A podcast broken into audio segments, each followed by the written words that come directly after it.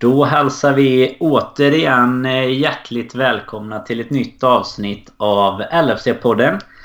En podcast som görs i samarbete med den officiella svenska supporterklubben som du givetvis alltid hittar på lfc.nu. Där du hittar eh, ja, allt om laget, nyheter, spelscheman, eh, information om träffar och så vidare. Ja, egentligen allt som rör Liverpool här i Sverige och Eh, i England såklart.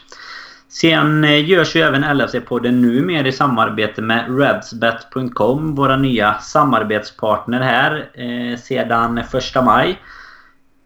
Deras koncept är ju egentligen att alltid ge 50% av nettoöverskottet tillbaka till LFC-supportrarna i någon form. Och förutom oss på LFC-podden så har de ju samarbete med bland annat Anfield Rap. Och finns ju eh, även eh, representerade av John Aldrich som ambassadör. Sen har de faktiskt ett samarbete med ett eh, nyöppnat hotell i Liverpool. TIA, TIA, som ligger på Anfield Road, bara ett stenkast ifrån Anfield.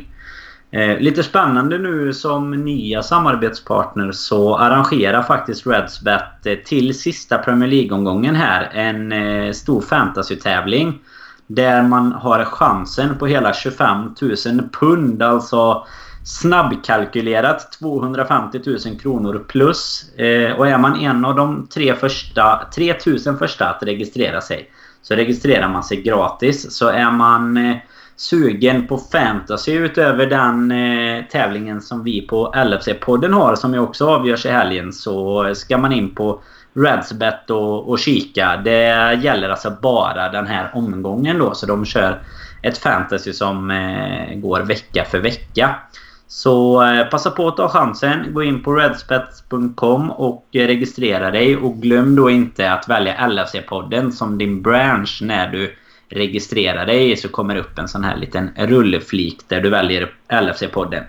Eh, men givetvis kommer det även komma mer information på Twitter och Facebook. Eh, och så håll koll i våra sociala kanaler. Och vi är ju faktiskt några stycken som ska över till England nästa helg härifrån podden. Det kommer vi prata mer om här senare. Men håll koll i våra kanaler och, och hör gärna av dig om du själv ska över på matchen mot Brighton. Så får vi se till att sammanstråla. Eh, sammanstråla, det ska jag göra nu också. Jag ska bjuda in vår eh, härlige göteborgare. Men först ska vi väl få en liten jingel.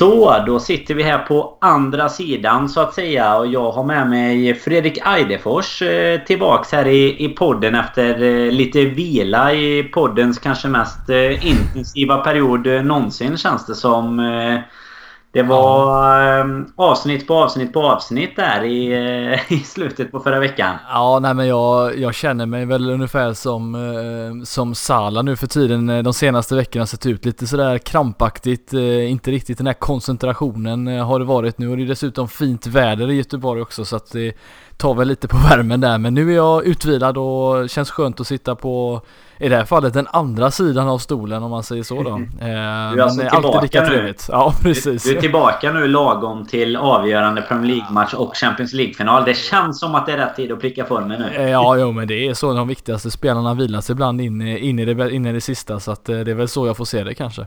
Så är det ju. Hur är det, det med dig då? Lite, jo men det är fint tycker jag. Det är till och med i Borås skiner solen. Så ja. antagligen har alla lyssnare strålande väder just nu kan ja, vi väl precis. förutsätta. Det är de ovanför Kalle Sundqvist i Sverige kanske ja. som, som kan ha det lite kyligare. Men eh, nej, allt är bra. Eh, hade väl hoppats på att det skulle vara lite, lite bättre idag i och med Premier League-synpunkten om man säger så. Mm. Vi, vi kommer ju komma in på det här eh, under avsnittet idag. Det blir ju framförallt ett, eh, ett Premier League-fokus idag eh, och lite mer Champions League-fokus längre fram. Men man hade väl faktiskt hoppats att vi, att vi hade suttit här med en säkrad plats. Även om du var rätt så, eh, så duktig på att förutsäga vad som skulle ske där igår.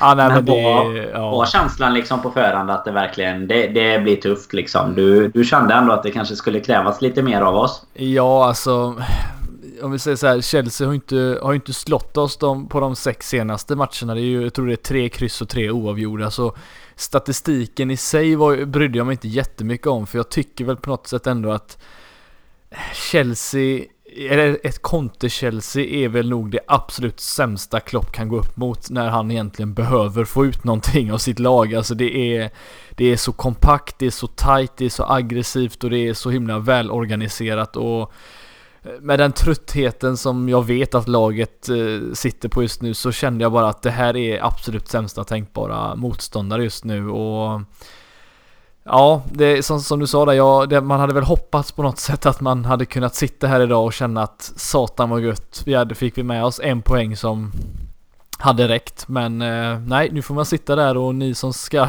över får stå och bita naglarna i The Cop eh, även den här gången som många av er, några av er fick göra även förra säsongen.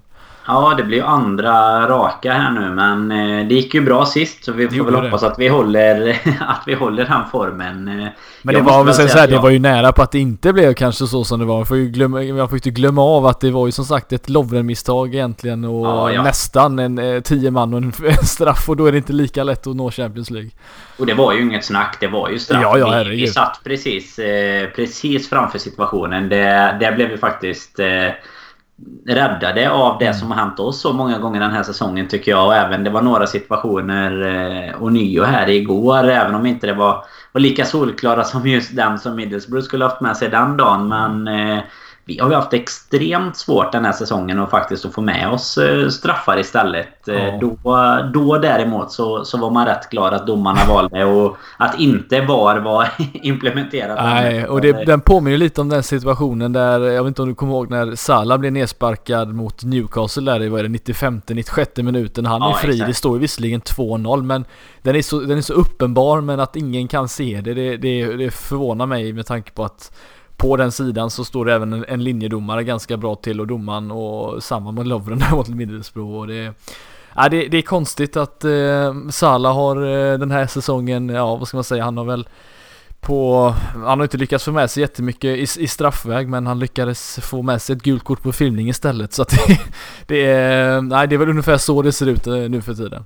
Ja, men det är lite vi, precis som vi, vi var inne på efter Roma-matchen här. Det, det är liksom lite Liverpool aktigt att vi ska alltid ta den lite svårare och tuffare vägen känns det som. Jag menar nu eh, tittar man på det på det objektivt. Vi hade ju med oss Erik Niva här i ett mm. eh, poddspecial. Jag menar, ja, väldigt bra. Vi får nästan, trots att ingen av oss var med, får vi nog nästan säga att det var ett av de bättre som... Kanske därför det var så bra. Kan vara så.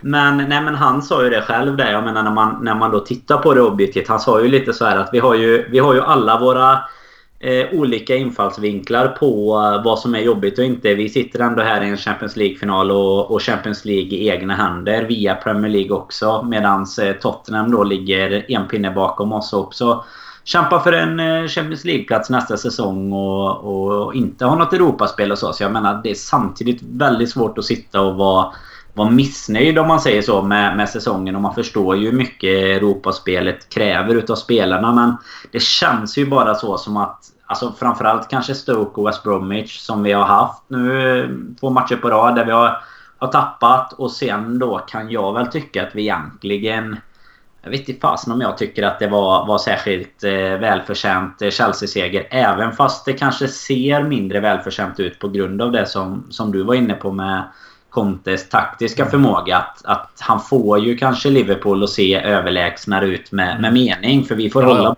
och så. Men eh, ja, som, som fotboll frustrerar mig så mycket. Han får ju liksom Mourinho att se ut som någon sorts offensiv pionjär eller någonting. men, men det, det, är ju effektivt och Chelsea sitter ju ändå i i den situationen ja. där de måste ta varandra poäng. Så att eh, fair enough så funkar det ju den här ja. gången. Och, och, man märker ju efter den matchen går att det har slitit på oss och, och kämpat på många fronter. Mm. Nej men det är alltså gårdagen är ju en sån där, det är ju så, det är så typisk kryssmatch egentligen så det kan inte bli mer. Alltså båda lagen skapar väl en, två riktigt bra målchanser. Men mer än så var det ju egentligen inte i, i den här matchen och det, det, det är ju synd att vi känns som att vi nu i alla fall, Klopp hade ju en bra start mot de här topplagen när han kom till Liverpool och, och liksom manglade många av de här lagen. Han slog ju till exempel Mourinho och Chelsea med 3-1 på Stamford Bridge i sin första stormatch och han lyckades ju även tvåla dit City på bortaplan med 4-1 och sen därefter har det varit en hel del storsegrar men nu på senare tid har han ju faktiskt tappat och vi är bland de sämre topplagen i just de här matcherna mot de andra topplagen den här säsongen och det vet jag inte om det bara har att göra med att de andra lagen har täppt till det på något sätt men det känns som att det riktigt, det har inte funkat med samma taktik förutom mot Manchester City möjligtvis då. Ehm, men det känns som att det alltid kommer göra det på dem, mot dem på Ja något men det är sätt. det, det, är ju det som är det konstiga någonstans för det, det har ju ändå kanaliserats i Champions League mot liksom Porto och Roma också men frågan är om det beror på mer på att eh, de har ju inte haft chansen att möta oss en gång tidigare och lyckats anpassa sig efter,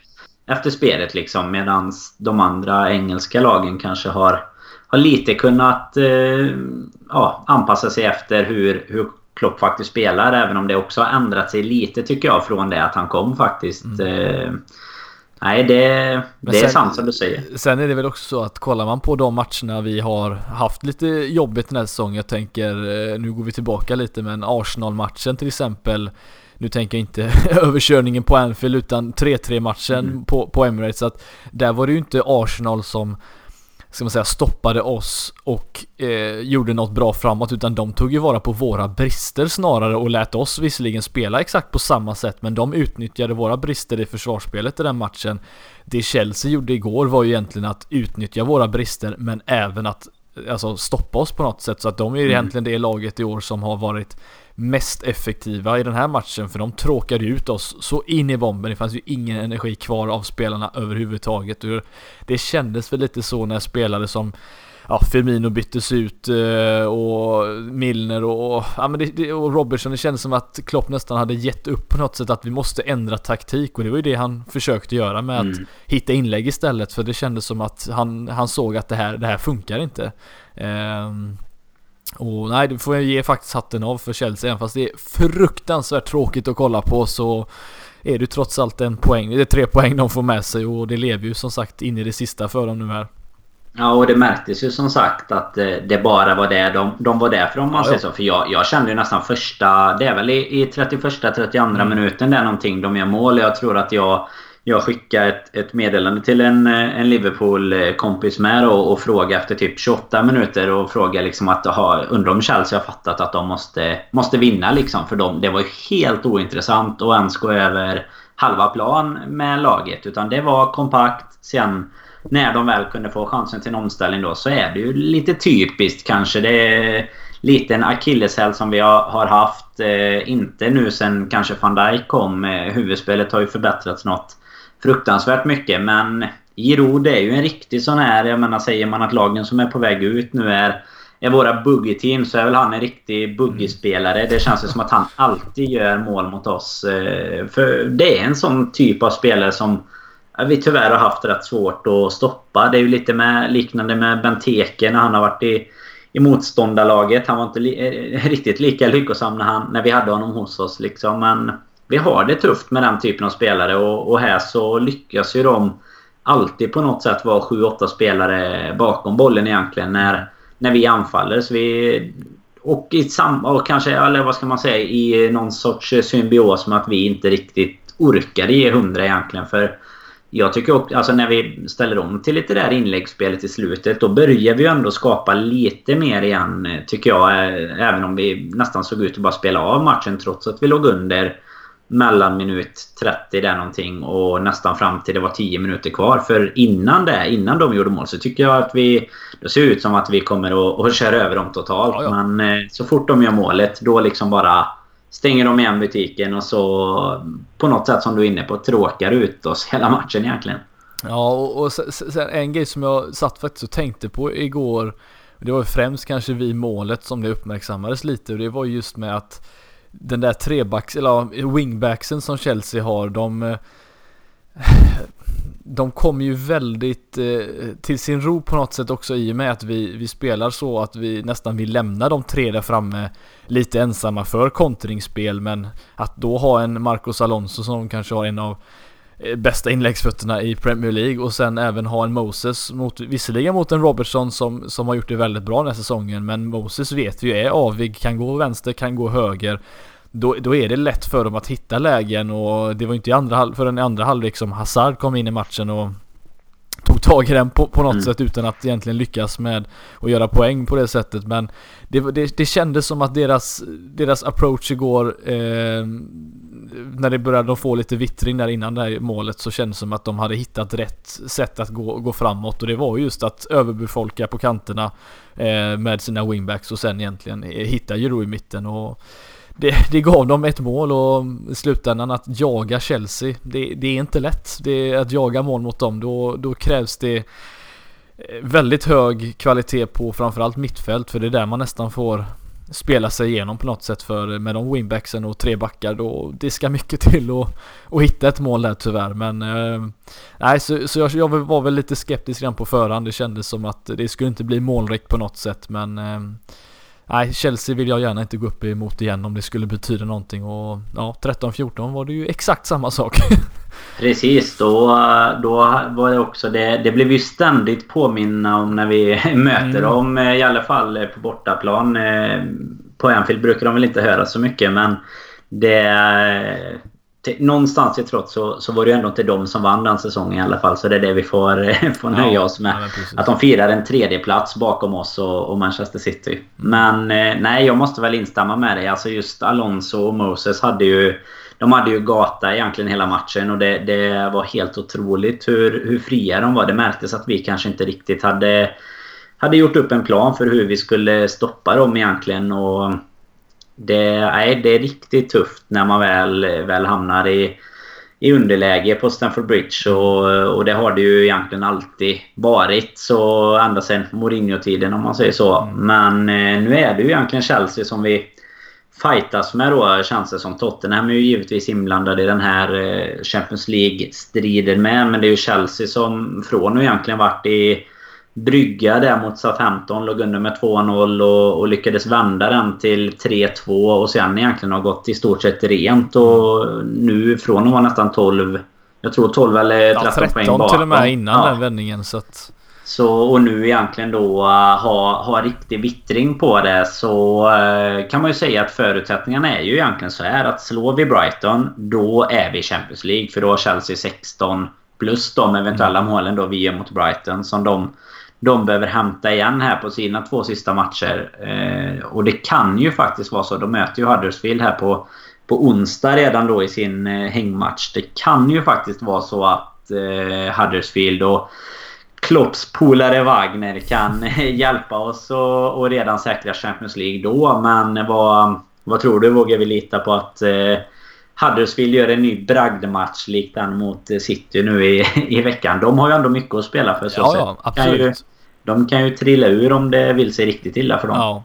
Nej men jag, jag, alltså, jag, jag tror ju inte längre på det här med att Liverpool kan eh, förlita sig på någon, på någon annan utan eh, det kommer sluta med att vi kommer behöva vinna vår sista match mot Brighton. Eh, och det, det är klart att Gör vi inte det, ja men då, då, är det precis som man säger, då förtjänar man inte att, att, att spela i Champions League om man inte kan vinna, slå någon av West Bromwich, Stoke eller eh, Brighton liksom. Det är, du, du måste vinna någon av de matcherna och kan man inte göra det så, så är det riktigt illa och det är som sagt, nu har vi Därefter kan man tänka, då kan man liksom tänka att ja men då är det några veckors vila eller några, vad blir det, en vecka, två veckor i alla fall innan Två veckor, ja. Två veckor innan, innan det är Champions League-final och det ska bara göras, men det är klart att, att eh, kunna sitta här onsdag kväll och veta att Chelsea har kryssat mot, mot Huddersfield och vi är klara för Champions League, det är ju jäkligt skönt. Framförallt med att man då kan vila lite spelare inför sista matchen för att en, tänk dig en skada på en van Dijk eller Salah inför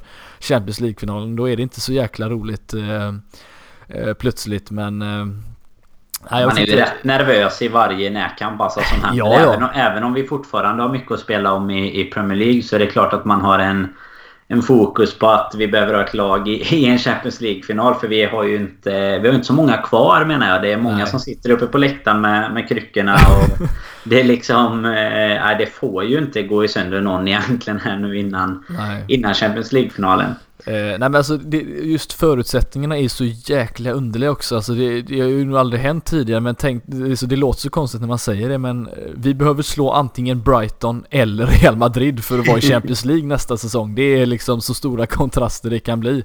Eh, någon av dem hoppas att vi kommer att vinna. Jag tror vi kommer göra det också. Vilken? Det vette tusan. Men eh, skulle inte förvåna mig om vi förlorar mot Brighton men vi slår Real Madrid. Det hade inte varit eh, överhuvudtaget några ögonbrynshöjare för mig. Men jag vet inte om du känner den optimismen att vi tar det nu här inne i sista eller om vi kanske får lita oss, förlita oss på Huddersfield i detta fallet.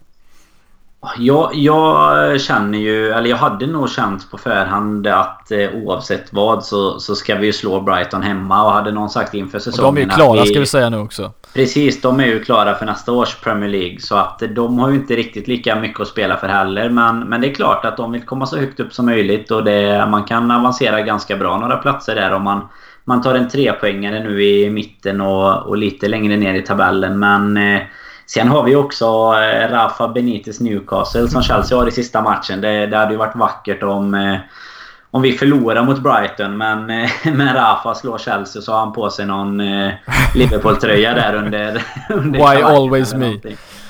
Precis. Nej men för Chelsea har ju även... Nu är väl inte det riktigt att jämföra kanske med Champions League-finalen men de har ju även en FA Cup-final sen. Men det är klart att någonstans så kommer väl en, eh, en eventuell chans att nå en Champions League eh, till nästa säsong kommer de ju aldrig att, att släppa framför det. För det är ju så pass, om man tänker ur, ur ägares ögon och så vidare, så är det klart att det ekonomiskt sett är mycket viktigare att ta sig till nästa års Champions League tror jag, än att vinna en FA-cup. Och för lag som, som jag kan tänka mig då, som, som Chelsea och City till exempel, så, så tror jag att det definitivt är väldigt mycket viktigare för Roman och, och shejkerna att eh, man tar sig vidare och, och där kapitalet finns om man säger så. Mm. Eh, även om det givetvis kan ge ringar på vattnet och vinna en FA-cup också. Men eh, nej, jag, jag, skulle väl ändå säga någonstans att vi... Eh, det har väl gått ner lite men vad kan vi säga? 85-15% chans att vi löser det här i alla fall. Och, och jag tror väl inte att vi ska behöva någon draghjälp utan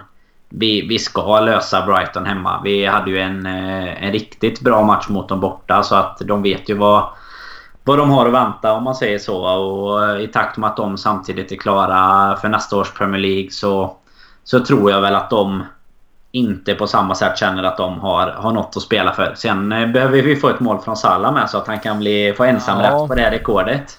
Ja men jag, jag, jag, tänker innan vi lägger just eh innan vi lägger lock på just Chelsea-matchen här eh, och avslutar den så måste jag ändå säga när du ändå ställ, nämner det just med Salah så alltså, det är ju de senaste veckorna har han ju sett riktigt, riktigt, eh, jag ska inte säga rostig, men han har sett väldigt utmattad ut får vi ändå säga. Det är väl rätt ord att mm.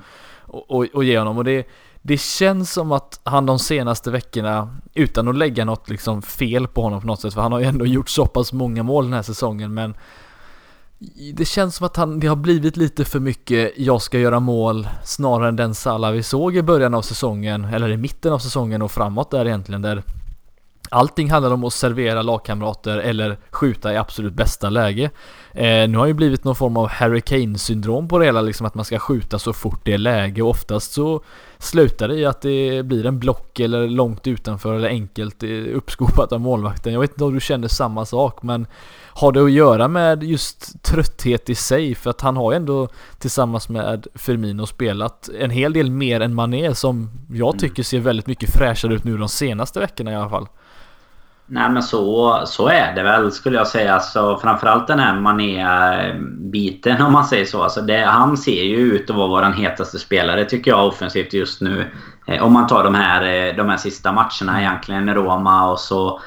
Eh, ja, Stoke var väl... Eh, var ju inga mål gjorda Nej. så sett. Men, men det är ändå så någonstans att eh, jag kan instämma med att jag tycker att Salah... Jag vet inte vad det beror på. Om det är just trötthet men ungefär lite i takt med att han började närma sig det här målrekordet så känns det väl faktiskt som att han någonstans kanske tar lite mer egna avslut tycker jag. Och eh, jag vet inte om det är medvetet eller om det liksom typ är undermedvetet. Men eh, det känns ju som att det är klart att han vill slå det, det målrekordet. Laget i, i all ära givetvis och det är ju det alla kämpar för. Men klart att såna, den typen av individuella rekord och prestationer för den typen av tävlingsmänniskor. Det måste ju vara otroligt sporrande och och ha det framför sig och veta liksom att jag gör ett mål till så har jag gjort flest mål på på den här typen av Premier League-säsong i alla fall då med 38 matcher av, av alla genom tiderna och jag gör det i min första säsong för Liverpool liksom. Mm. Så att eh, den fördelen har vi väl kanske med oss när han ska leta mål nu eh, nästa helg. För nu, nu har vi ju dessutom en vecka innan, innan Brighton-matchen. Så vi har lite mer vila och vi har, behöver inte fokusera någonting på eh, någon Champions League eller resa någonstans eller sådär. Utan nu kan vi liksom med 100% fokus försöka och spela av den matchen. Det låter väl lite fel att säga kanske. Men, men det, är liksom, det är det jag egentligen förväntar mig att vi ska göra. Men eh, det, man har ju haft tufft mot de här motstånden förr såklart. Och det, det är ju inga, det är inga dussinlag liksom. Även om Brighton eh, har nästan till tycker många gjort en, en bragd som hänger kvar liksom. Men det, det är ju inga dåliga lag utan de har ju, har de sina dagar så kan de vara riktigt starka och jag menar nu, nu har de slått eh, storlag här nyss ju. De slog väl United här för eh, någon omgång sedan bara och de har eh, 147-årige Glenn Murray som fortfarande hoppar runt där fram liksom och, och levererar och har väl gjort en 12-13 mål i år liksom. Så att... Eh, nej, det är inget, inget dussingäng. Det är stora gubbar där bak. Lite klassiskt brittiskt. Om man tänker lite tillbaka sådär tycker jag väl att de de spelar. Så att... Eh... Men det finns lite speed i laget på kanterna också och eh, lite rutin som sagt. Men det, det jag vill Danny det är ju verkligen att, att det ska vara Du vet en sån här perfekt genomförd match. Alltså det känns som att det här är ett mästarlag som går ut på Anfield och i en måste-match går ut och liksom ja men du vet 3-0, 4-0, alltså verkligen visar att eh, okej okay, vi, vi, vi kanske har varit slappa de senaste matcherna men nu fan ska vi visa eh, fansen här på Anfield att att det går att räkna med oss, alltså något i den stilen. Jag hoppas, alltså Klopp pratar väldigt mycket om det här med att vara fräscha, att ha rätt inställning och, och allt det där. Jag hoppas verkligen att, att det, det sprider sig till spel nu och jag hoppas att de, de vet, det är klart att de är medvetna om hur viktig den här matchen är. Många av dem var ju dess, dessutom med i, eller några av dem i alla fall, i den viktigaste matchen eh, just mot Middlesbrough förra säsongen. Mm. Så jag hoppas ju verkligen att det förmedlas vidare och att det inte blir någon sån här Ja men typ slappa till nu är det snart över liksom och så släpper man in ett mål och så blir det vittring. Alltså den typen som vi har sett den här säsongen. Jag hoppas att det, ja, sista matchen eh, vart skåpet ska stå och faktiskt avgör detta nu och eh, ja, få komma in i en bra form inför Champions League. Det, det är väl egentligen det, det jag hoppas. Jag vet inte om du känner exakt likadant men det känns som att alla borde känna så i alla fall. jo men det är klart, det är ju en högsta önskan om man säger så. Och det, det är ju faktiskt viktigt tror jag för truppen med. Alltså, jag menar vi har ju... Nu har vi en vinst på de fem senaste om man ska gå på, på match för match. Man kan ju säga att 4-2 eller 2-4 mot Roma. Det kändes ju som en, en seger bara för man hade utgångsläget där. Men jag menar, vi har West Bromwich kryss, vi slog Roma, kryssa mot Stoke förlusten mot Roma och nu förlusten mot Chelsea. Så jag menar, jag tror det är rätt viktigt också för, för laget att känna men, men den typen av genomkörare som du är inne på. Att skulle vi få en sån här 3-4-0 så tror jag också att det kan vara jäkligt viktigt inför Champions League-finalen och de två veckorna är egentligen det som, som vi har på oss att förbereda oss också. För viktigt att komma in med en positiv känsla där. Och skulle det nu mot all förmodan bli så att vi missade via Premier League, då är det också en en liksom eh, jäkla besvikelse som, som man också måste sudda bort innan man ska spela Champions League-final. Och det är klart att då finns pressen på oss för att ta oss till nästa års Champions League även där. Även om jag inte tror att den påverkar insatsen i finalen särskilt mycket. För det, det är en så pass isolerad match och chans till titel för sig. Men eh, det... Det hade ju känts lite oroligt om vi inte hade lyckats ta oss till Champions League för liksom den här lite gruppdynamiken som har blivit eh, Sveriges vanligaste ord efter, eh, efter det här med Zlatan och VM. Men, eh, men det är någonstans tror jag väl också att det är otroligt viktigt att, att liksom säkra den Champions League-platsen och känna att nu har vi gjort jobbet i Premier League. Och jag menar en, en säkrad Champions League-plats och en Champions League-final. Det är ju en säsong med, med mycket väl godkänt ändå. Eller i alla fall VG plus som man sa på den tiden jag gick i skolan. Fyra nu eller vad man, ja, vad man säger idag. Nej men det, det, det, är precis så som du säger. Alltså den här truppen Liverpool besitter är, är ju, eller som Klopp besitter egentligen. Det är ju ingen trupp som, som på något sätt ska lyckas alltså gå rent och hålla sig hög i form och eh, med energi och, och gå till en Champions League-final, potentiellt vinna en Champions League-final och nästan ha häng på en andra plats i, i Premier League. Alltså det ska inte gå, framförallt inte med de skadorna. Alltså det är ju... Eh, kolla, jag, jag slängde ut en tweet liksom eh, under matchen mot Chelsea att vi har ju ingenting att slänga in offensivt den här säsongen. Även om, om vi har ja, en skadefri trupp så är Ings och Solanke det bästa vi kan släppa in medan United kan ju slänga in en Martial eller Rashford eller Mata eller vad det nu kan vara och City vet vi redan vilka de kan slänga in men till och med en Tottenham då som kan antingen slänga in en Lamela för att få lite mer offensiv eller ja, stänga en match genom att släppa in en Vaniam eller en Dembele, alltså något i den stilen. Det finns liksom inget sånt vi har, så truppmässigt är vi ju nästan sämst av de lagen som, som jobbar där framme. Till och med Arsenal har ju liksom mer spelare nästan att slänga in ibland och det det får vi ändå säga, vi får ge cred till Klopp som har lyckats göra detta med Liverpool för det är ju Hade man suttit som objektiv här nu så får man ändå säga att man har ju inte trott detta på Överhuvudtaget att det ska gå men eh, Nu är vi här i alla fall Vilket ja, känns väldigt konstigt. Ja det finns ju, vi pratade ju om det där efter eh, Roma-matchen så Så pratade vi just om det här sjuka någonstans i att liksom Lovren, Karius, mm. Trent Alexander-Arnold, Henderson och med flera, Milner liksom. Alla de ska spela Champions League-final här snart. Men eh, det är och välförtjänt också... sådant också. För ja, det, men, ja, det är det verkligen. man måste tillägga. Att det inte är liksom en slump utan de har spelat sig dit själva liksom. Det är... Så är det ju verkligen. Och det, det är ju någonstans så, så tycker jag det är lite konstigt med. För jag får ju alltid känslan när vi någonstans. Alltså det här bredden har ju varit ett återkommande problem och man låter väl som en eh, repig gammal LP-skiva liksom när man börjar prata om, om truppbredd igen. Men det har ju varit ett problem i, hos oss och jag tycker väl egentligen mittfältet har varit det som har förstärkts bäst liksom nu när Oxlade kom in. Och så nu har vi Chan, Oxlade och Lalana skadade vilket eh, givetvis sätter många käppar i, i hjulet för det blir svårt att rotera och sådär. Men någonstans så förstår jag inte hur vi, vi kan sitta med liksom Ings och Solanki som våra första inhoppare när andra lag... Ja, Ett mål tillsammans den här säsongen har de. Ja, men, ja precis. Och, och, när du säger United, Martial, Rashford. Alltså det, det, känns som att så fort en sån typ av spelare skulle sitta på bänken hos oss så vill de lämna liksom. Ja. Det, det är det jag inte fattar riktigt. Men det är väl olika klubbdignitet liksom. Men jag kan inte se framför mig att vi skulle ha en liksom sju eh, fullgoda ersättare på bänken för att de vill spela i sina lag. Men det är väl det som är skillnaden kanske mellan oss och typ City som nu då försöker bygga någon ny stormakt inom fotbollen liksom. Att där kan en kille som Gündogan nöja sig med att börja varje match på bänken. Men det hade han inte gjort i Liverpool antagligen. Utan då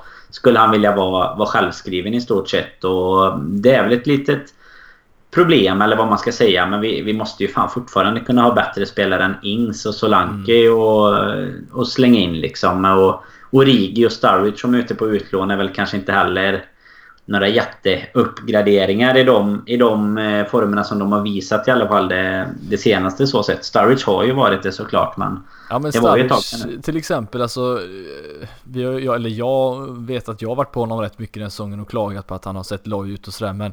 I en sån match som mot Chelsea där i slutändan allting handlar om att du ska stå i boxen och potentiellt styra in en boll eller något i den stilen, en tap-in eller vad som helst. Då är han ju absolut ett fullgott alternativ att slänga in men det är inte ofta vi slutar med att Liverpool jagar en match på det här sättet som de gjorde nu mot, eh, mot Chelsea så att det är väl där det lite blir fel för Solanke. Ta en sån som Solanke nu som har haft det väldigt jobbigt. Jag kan ju bara tänka mig hur, hur det hade kanske sett ut om han hade fått det där målet godkänt mot West Bromwich för några månader sedan och, och kunnat bygga på det så som Ings kanske nu när han eh, fick gjort mål mot West Bromwich och hade det kommit tidigare, gud, bara gud vet egentligen hur det hade slutat. Det kanske hade stått att Solanker haft lite självförtroende och fått in några bollar. För eh, det kom ju lite uppgifter nu, eh, ja egentligen mitt under matchen att Liverpool fått nästan bekräftat, fått bekräftat från franska källor att en sån som Nabil Fekir liksom är på väg till Liverpool eller klar för Liverpool och jag vet inte hur, hur kände du när det liksom det dyker upp? Är det bara liksom dålig journalistik att när Liverpool saknar mittfältare och offensiv kraft så ryktas det eller känns det genuint där? Nej men alltså det, det, känns ju alltid. Man, man har ju lärt sig att någonstans ta Silly och allt det här men eh, liksom helt skopa salt nu för tiden. För det händer ju Twitter och den typen av medier gör ju givetvis att det, det händer väldigt mycket och det går fort och så helt plötsligt är det borta med vinden igen ungefär. Men det var ändå ganska så, vad ska man kalla det, respekterade mm. källor liksom som som ändå kom med det. Och nu menar jag kanske inte själva förstahandskällan så sett. Utan snarare de på... Det var inte de på Twitter som brukar eh, hålla Nej. på och sprida massa rykten liksom. Utan det känns ändå som att det var de som brukar vara ganska välinitierade. Även om det kanske inte var de... Eh, typ Melissa Reddy, James Pierce och så. Men de skriver ju samtidigt nästan aldrig rykten. Utan de skriver ju när det är done deal och det har kommit ut på, på hemsidan ungefär. Så att det är ju är ju samtidigt svårt att, att säga. Det är ju givetvis kommer inget komma ut precis nu ändå men eh, det var ändå många. Alltså, jag, min känsla var väl att det var så pass många, vad ska man kalla det, alltså välrenommerade Twitterkonton som skrev om det. Så att det kändes som att det ändå kan ligga någonting i det då. Mm. Eh, sen kom det ut lite också om att eh, var det deras tränare eller sportchef eller någon hade gått ut lite och typ dementerat. Men det hade ju han tydligen gjort när Lacazette skulle till ja, Arsenal också. Sådär, de så kan inte var... säga någonting annat nu heller. Säsongen är ju inte Nej, över. Så precis. Det... det har ju varit samma med Keita och, ja. och van Dijk och så. Liksom, det går ju inte att avslöja någonting innan säsongen är slut i alla fall och kanske innan transferfönstret börjar då. Alltså vi har ju sett ett Liverpool gå ut och säga liksom att vi har inget intresse av att köpa van Dijk och så sex månader senare står han på på med liksom en Liverpool-tröja vid en, eh, alltså det, mm. det finns ingenting nästan man kan, man kan ta för givet längre eller man ska tro på på något sätt men det kändes som att det var någon form av genuint rykte i alla fall som, eh, som det kan finnas någon trohet i men eh, det, det, är väl egentligen där vi ligger nu Danne, att, att det är så här det, det ska se ut, alltså vi ska få in de här spelarna som det ryktas om eh, utan att någon lämnar för att för då sitter vi där med den sitsen som jag nämnde att vi kan faktiskt slänga in ett namn som kan göra skillnad för det, det är ju det vi saknar idag och eh, och det kommer ju behövas. Jag ja. menar, vi kommer ju behöva spelare som kan komma in och göra...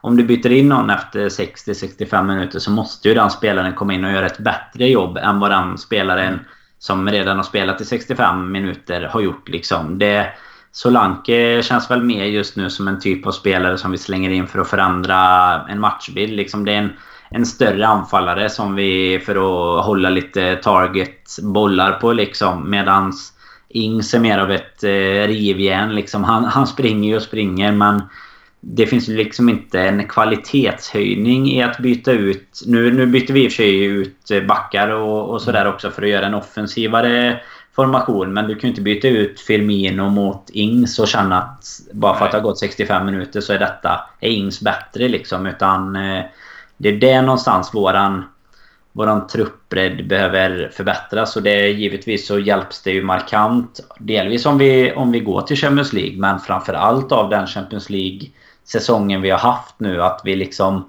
har satt en liten eh, knappnål på världskartan på Liverpool. Liksom, där jag tror att attraktionskraften kommer att, att vara ganska så stark. För även om, om Klopp tidigare har visat hur hans spelsätt, att det liksom fungerar och är roligt och blir mycket mål och liksom det, det, är en rolig typ av fotboll att stå för så är det klart att en eh, Champions League-final och potentiellt en, en Champions League-vinst kommer ju att visa att det verkligen också eh, att det funkar liksom. Mm. Nej, det är precis så och jag hoppas verkligen att eh, eller vi vet ju att inte vi kan köpa färdiga stjärnor på det sättet som som City United oftast eh, kan göra men eh, det gäller att hitta de här guldkornen, alltså ta en sån som Fekir som vi nämnde nu, alltså utanför ett, ett PSG till exempel i, i franska ligan så är ju han en av de absolut klart eh, alltså största stjärnorna som, som snart ska antingen byta till en större klubb inom Frankrike eller i detta fallet PSG då alternativt gå till en storklubb i, mm. i Europa för så pass bra är många av de här spelarna som, som ska lämna men det är ungefär där vi får sikta, alltså ingen som är en stjärna än men som är, är på väg, god väg att bli en i alla fall och eh, Ja, det är, så länge det inte blir på bekostnad av någon av dem där framme så känner vi att all form av till, eh, alltså, ja, tillgång av nya spelare det känns som att eh, det bara kan vara på gott så att eh, mm. vi får la se hur det hur det slutar här Danne. Precis. Vi har ju en hel silly-sommar här efter lite Premier League och Champions League som vi kommer att... VM och, och silly season. Hur ska man orka? Nej, det blir, eh, det blir ju helt magiskt. Men jag måste ju... Du är ju lite... Jag får ju ändå utse dig till någon sorts scout och silly-ansvarig här i poddpanelen. Och jag måste bara eh, kolla för jag, jag, tyckte att jag snubblade över lite eh, prat om det också. Men det känns ju som att eh, vi hade ju Thomas Lemar som var mm. extremt ryktad till Liverpool. Det känns ju som att det är en snubbe som liksom har eh, försvunnit ut i tomma intet någonstans. Jag vet inte det.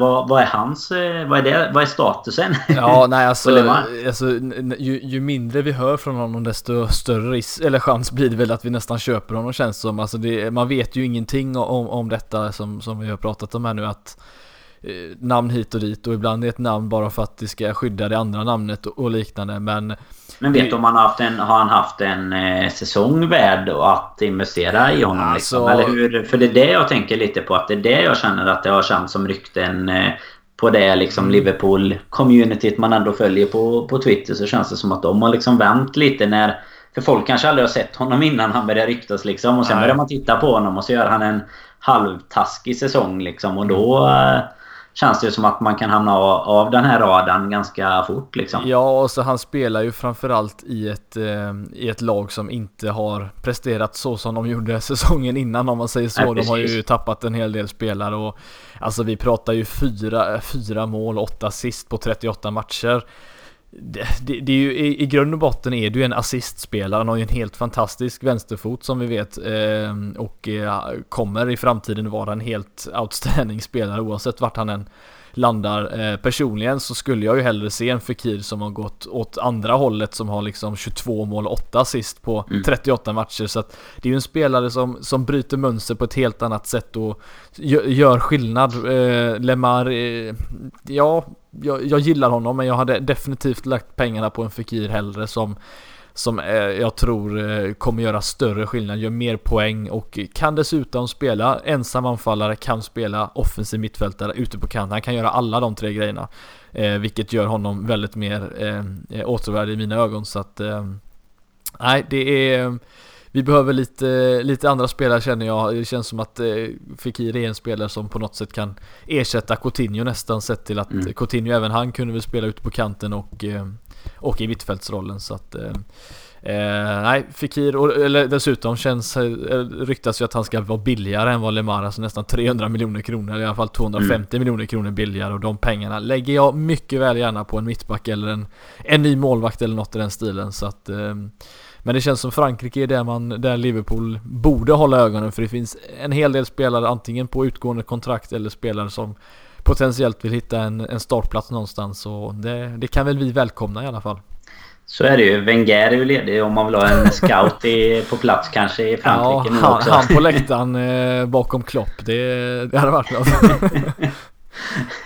ja, verkligen. Nej, det, blir, det var ett försmak på lite silly som kommer mm. här. Vi, vi kommer ju som eh, alla säkert lärt sig här nu efter eh, några år igång. Vi kommer ju hålla igång hela sommaren här. Det kanske blir något litet uppehåll för att Ja, beroende på hur det går den 26 maj egentligen. Det kommer ju finnas eh, anledningar att fira eller sörja såklart. Eh, men eh, givetvis så kommer vi ju hålla öppet om man säger så hela sillysommaren. Det är ju eh, kanske den eh, den mest intensiva eh, perioden vad gäller eh, nyheter och den typen i alla fall. Eller många, mycket svängningar hela tiden medan man, man har lite stabilare matcher men då är det känslorna istället som får eh, hoppa berg och dalbana eller vad man ska ja, säga precis. under säsongen. Och nu, nu har vi som sagt, nu är det ju två, två riktiga ska man säga cupfinaler? För det är ju en som verkligen är en cupfinal. Man, man får kalla det en sexpoängsmatch eller sådär då. Den, ja, den sista vi, vi har. Och vi får väl någonstans kanske staka oss ut till att det är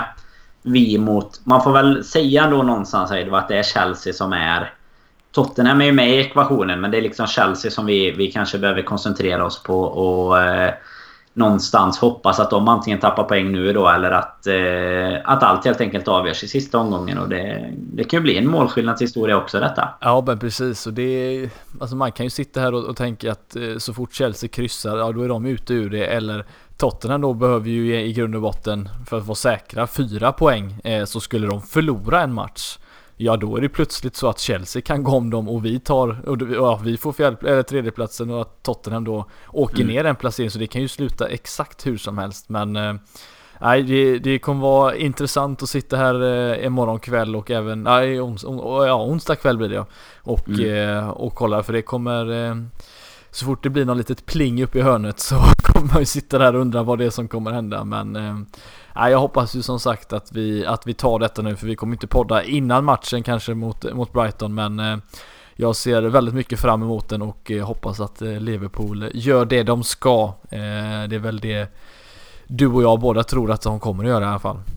Absolut och, och som sagt så vi åker ju över en, en del av poddgänget här till eh, sista matchen och eh, vi får väl hoppas att det någonstans för något gott eh, omen med sig att vi var att vi var över och säkra Champions League-platsen förra säsongen. så att mm. eh, får hoppas att man kan eh, vad ska man säga, återupprepa den eh, bragden där. Men eh, man har ju också en viss förväntan av att ändå publiken ska, ska bjuda upp liksom och lite kunna hylla, hylla laget som man då har dratt sig fram till till en eh, final i Champions League. Jag tyckte man märkte det i alla fall fram till 1-0 målet mot Chelsea att eh, Travelling Cop hade ju riktigt, riktigt bra fart på Stamford Bridge. Sen blev det lite tystare och tyngre efter att, att Chelsea lyckades göra 1-0. Men eh, förhoppningsvis kan vi kan vi sjunga in dem ända i målet eh, både tre och fyra gånger och gärna, gärna med Salah som eh, målskytt då. Alltså jag kan säga så här, så länge jag inte behöver sitta och, och, och se Liverpool ha en enmålsledning eh, när det är fem minuter kvar. Då, då känner jag mig relativt lugn men det kan man ju faktiskt inte garantera på något sätt så att eh, jag vet inte riktigt vad jag ska tro men vad, vad har du, har du en god känsla eh, ja, overall? Eller finns det någon form av stor nervositet i dig? Ja, men det gör det ändå. Jag tycker det är jobbigt med, med den här typen. Alltså jag hade kunnat... Eh, jag, jag hade gärna suttit och bara njutit på, på, Anfield faktiskt nästa helg här. Det hade, jag begär inte att jag ska behöva ha någon, eh, någon spänning eller någon kniven på strupen match. Utan jag hade gärna, gärna bara njutit av den här sista matchen i väntan på uh, Champions League-finalen liksom. Och, och kunnat uh, hylla hjältarna ungefär och sett uh, Woodburn och de här gubbarna springa runt istället och lyckas vila våra större stjärnor liksom. Alla förutom Salah då? Ja, förutom Salah. Han måste göra ett mål i alla fall.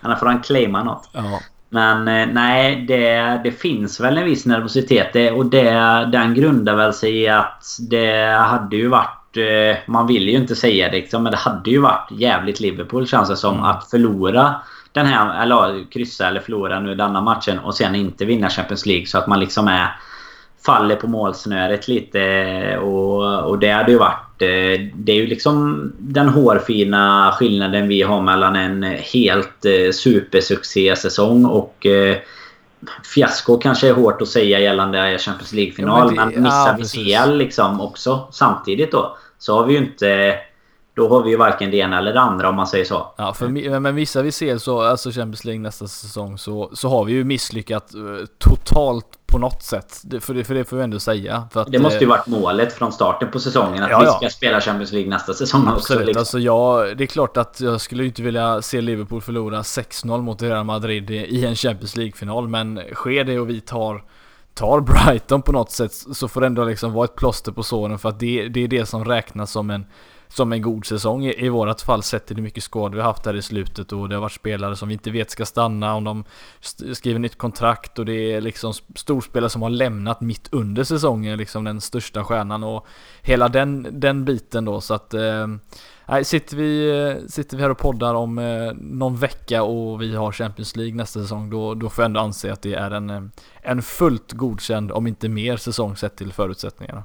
Jo, då känner man väl ändå att eh, finalen oavsett utgång är en bonus. Liksom en stor grädde på moset och framförallt vid en, vid en seger. Det är givetvis det stora. Det går inte att komma ifrån. Det är ju, det är ju den största turneringen man kan vinna. Liksom. Men, men skulle man gå till Champions League och eh, en hedersvärd förlust i, i finalen. Då har ju den ändå varit någonstans en bonus på ett redan lyckat mål. Liksom, precis som du är inne på. Mm. Eh, jämfört med om vi, om vi hade missat det. Men... Eh, Nej, som sagt. Jag, jag är nog ändå ganska Nervös är man, men jag är nog inte liksom eh, så jätterädd någonstans att vi ska missa det. Men man har ju alltid en, en gnagande känsla ändå av att det, allt kan skita sig. Liksom. Ja, ja. Tyvärr har man ju den här inneboende pessimisten i sig. Men eh, någonstans så känns det väl ändå som att vi, vi ska lösa det. Och lite som du var inne på tidigare här i avsnittet så kan vi inte lyckas slå Brighton när det verkligen gäller. Efter att ha kryssat mot VBA och Stoke i, i bara de eh,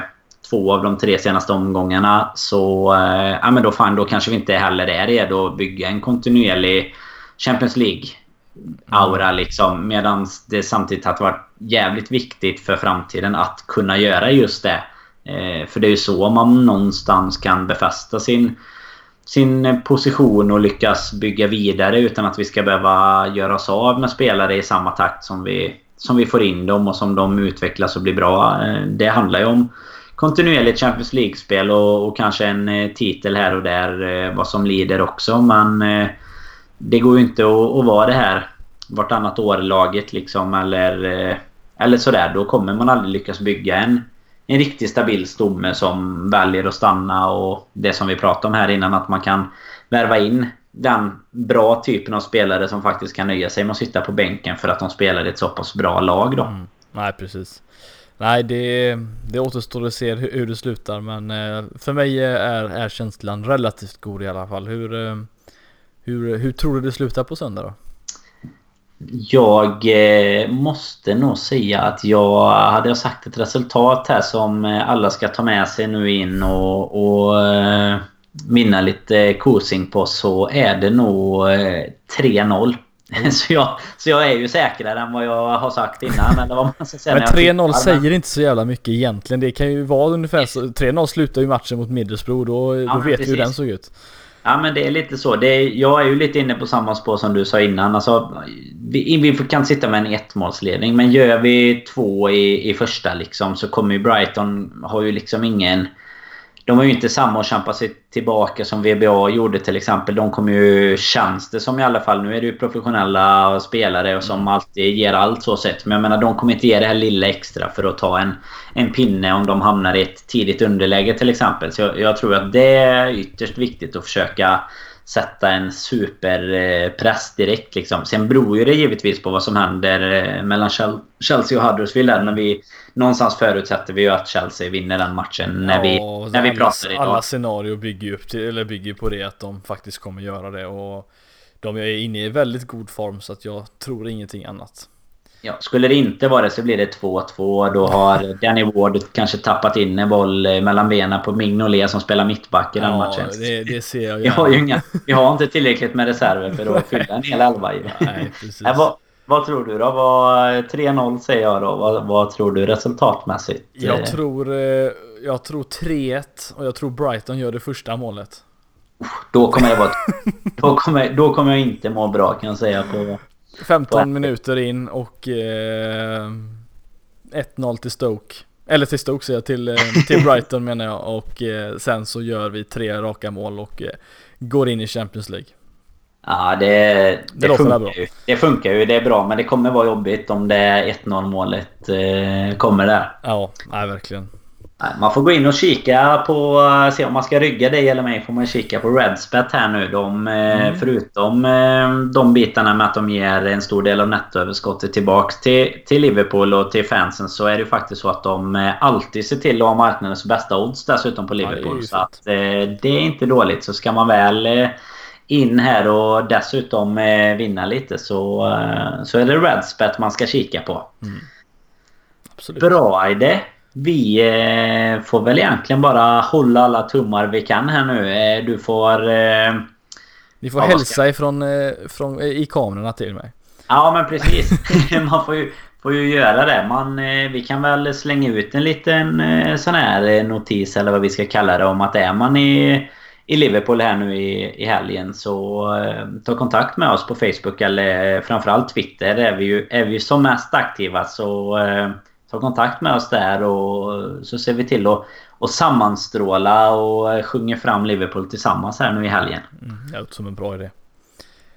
Bra det, men då tackar vi så mycket till alla som har lyssnat här idag. Så eh, håller vi här tummarna för att vi sitter här om ungefär en vecka igen och är klara för, för Champions League återigen och kan eh, verkligen ta sikte på finalen i Kiev. Men eh, tills dess får ni ha det riktigt, riktigt gott.